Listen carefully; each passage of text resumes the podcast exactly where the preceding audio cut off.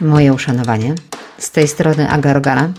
Zajmuję się pomaganiem rodzicom w dogadywaniu się ze sobą i ze swoimi dziećmi. To znaczy, że jeżeli interesują Cię tematy związane z tym, jak komunikować się, no właśnie po prostu po ludzku się dogadywać pomiędzy Tobą a Twoim mężem albo Twoją żoną w Twoim związku, a albo pomiędzy Tobą a Twoimi dziećmi czy dzieckiem, to jesteś w bardzo właściwym miejscu. I wiesz co? Ja generalnie e, prowadzę bardzo różne działania z rodzicami. Robię live'y, warsztaty, e, prowadzę szkołę dla rodziców i wychowawców, prowadzę szkołę dla rodziców online. Naprawdę staram się być w bardzo różnych miejscach, ale strasznie dużo uczę się właśnie dzięki tym indywidualnym spotkaniom z rodzicami, czy na konsultacjach y, online, czy coraz częściej na takich spotkaniach terapeutycznych, ponieważ lada moment będę już. Y, mogła prowadzić terapię krótkoterminową ukierunkowaną na e, rozwiązanie. I te spotkania z rodzicami to jest kopalnia wiedzy na temat tego, co rodzica trapi, z czym ma największy problem, co jest jego zmartwieniem, co jest e, jakby jego taką codzienną obawą. I im więcej rodziców mówi mi mniej więcej o tych samych rzeczach, tym lepiej orientuje się, co dotyka, no właśnie, szeroką grupę rodziców. I wiesz co, jednym z takich tematów, który się bardzo często przewija e, w czasie konsultacji, są oczywiście dziecięce emocje. I pada takie zdanie, nie raz i nie dwa, e, które brzmi mniej więcej tak. Moje dziecko nie panuje nad emocjami, a raczej jeszcze lepiej, moje dziecko ma problem z panowaniem nad emocjami.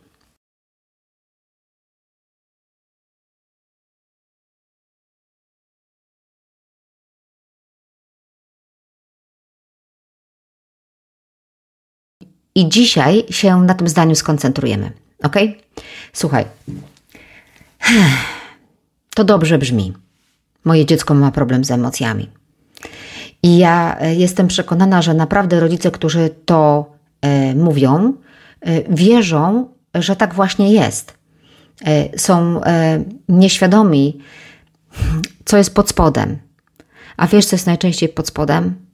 To, że to oni nie dają sobie rady z e, emocjami swojego dziecka, a raczej nawet ze sposobem, w jaki to dziecko swoje emocje wyraża. I ja to mówię z absolutną taką akceptacją dla tych rodziców i zrozumieniem, i nie mam żalu ani zarzutu nawet, no bo to jest po prostu takie coś, co się dzieje nieświadomie, mówiąc wprost.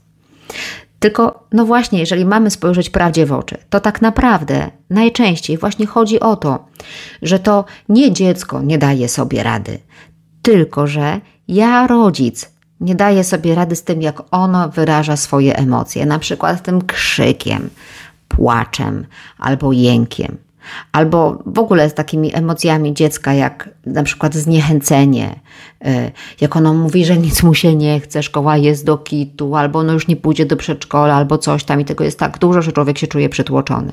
Albo z tym jego rozczarowaniem, na przykład, że stale jest niezadowolony, oczywiście stale bierzemy w cudzysłów, jest niezadowolony, albo z jakimś takim...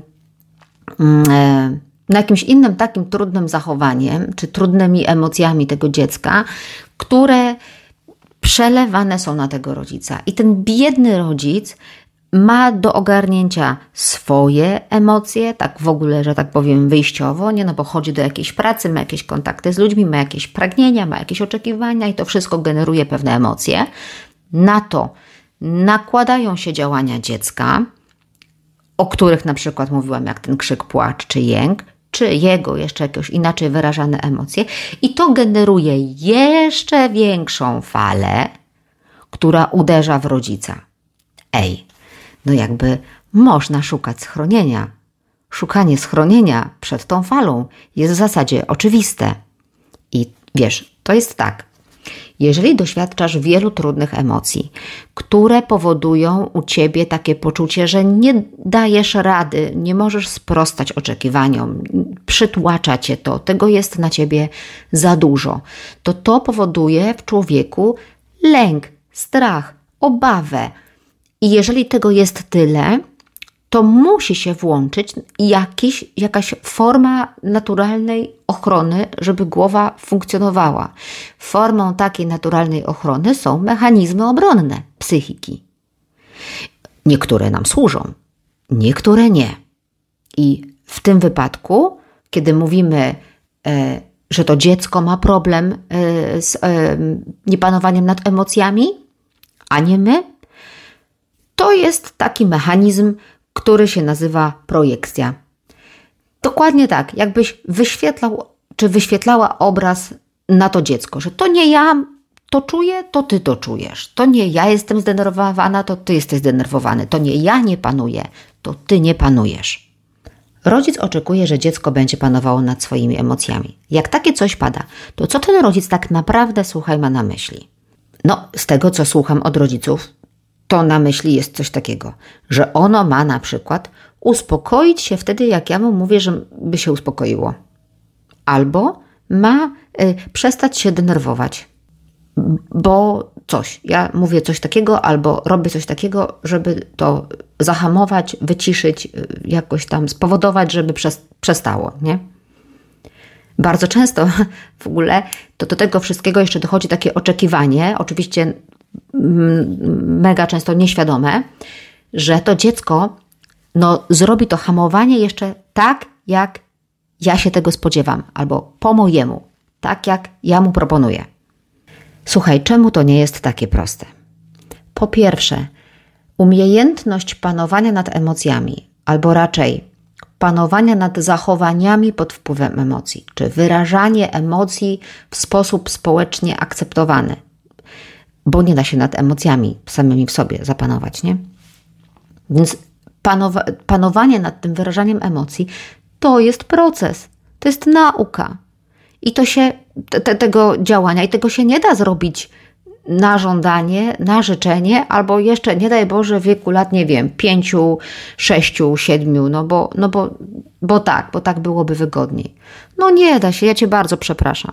Do tego jest potrzebna, potrzebny rozwój, potrzebne są lata, potrzebne są procesy, które zachodzą w mózgu, normalnie, fizycznie, dla naukowców obserwowalne, widzialne. Czy wiesz, że proces przemiany dojrzewania mózgu kończy się w okolicach 24-25 roku życia? No kurde. No to w takim razie, co my mówimy o pięciolatku, no. To, to jest w ogóle początek drogi. Ponadto, no bądźmy teraz tak do bólu szczerzy, dobra? Weźmy sobie takiego rodzica. I ten rodzic obiecuje sobie, że nie będzie krzyczał. Nie chce krzyczeć na dzieci, bo wie, że to jest złe, bo wie, że to niczemu nie służy, bo wie, że dzieci wtedy cierpią, bo wie, że to jest jakaś forma agresji, bo wie, że to do niczego nie prowadzi.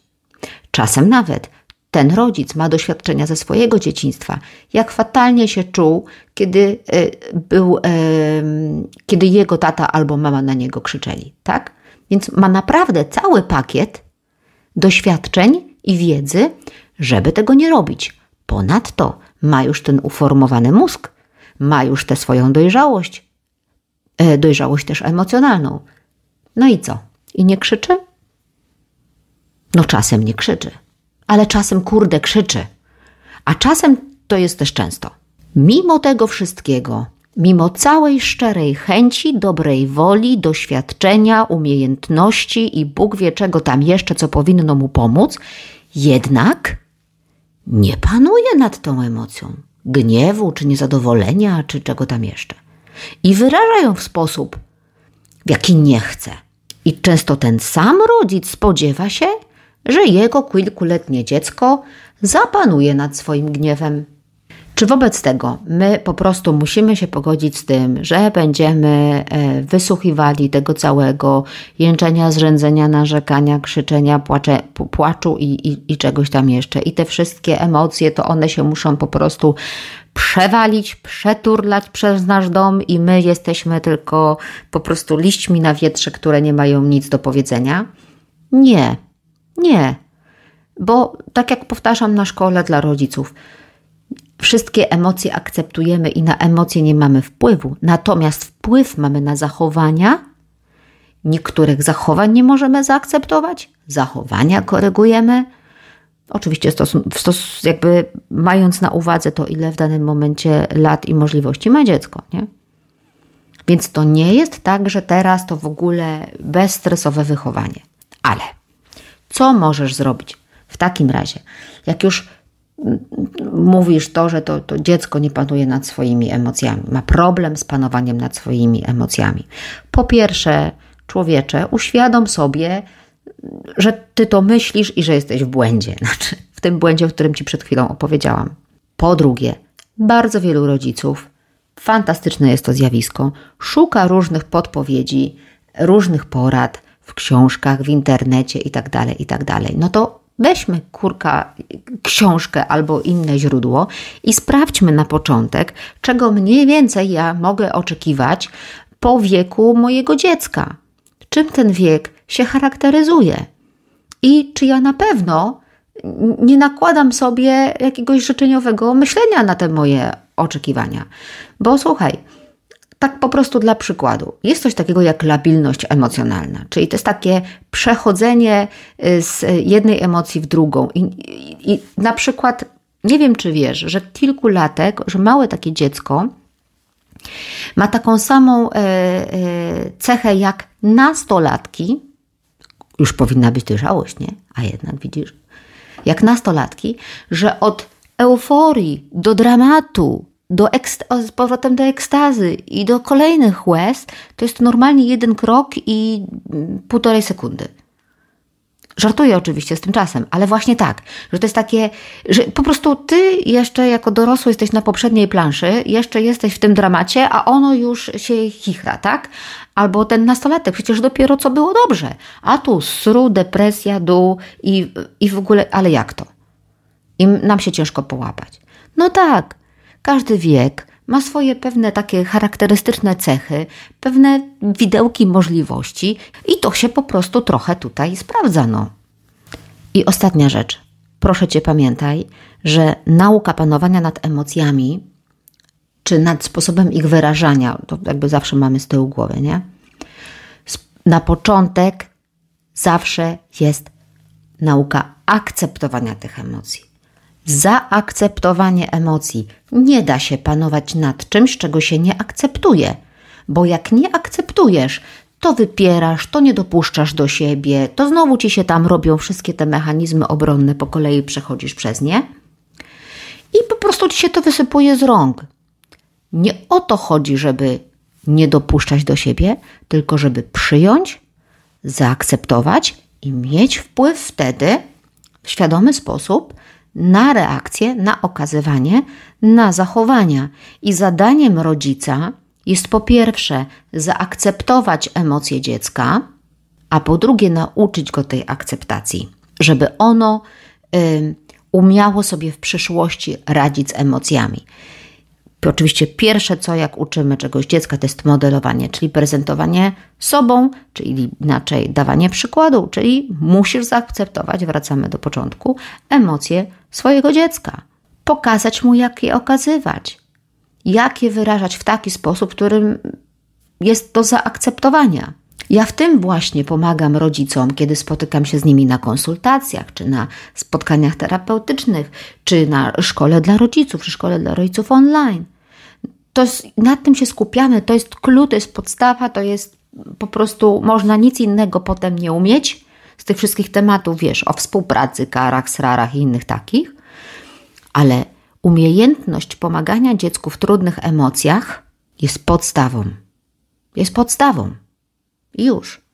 No i wiesz, jak widzisz, jak zwykle, wszystko zaczyna się od ciebie.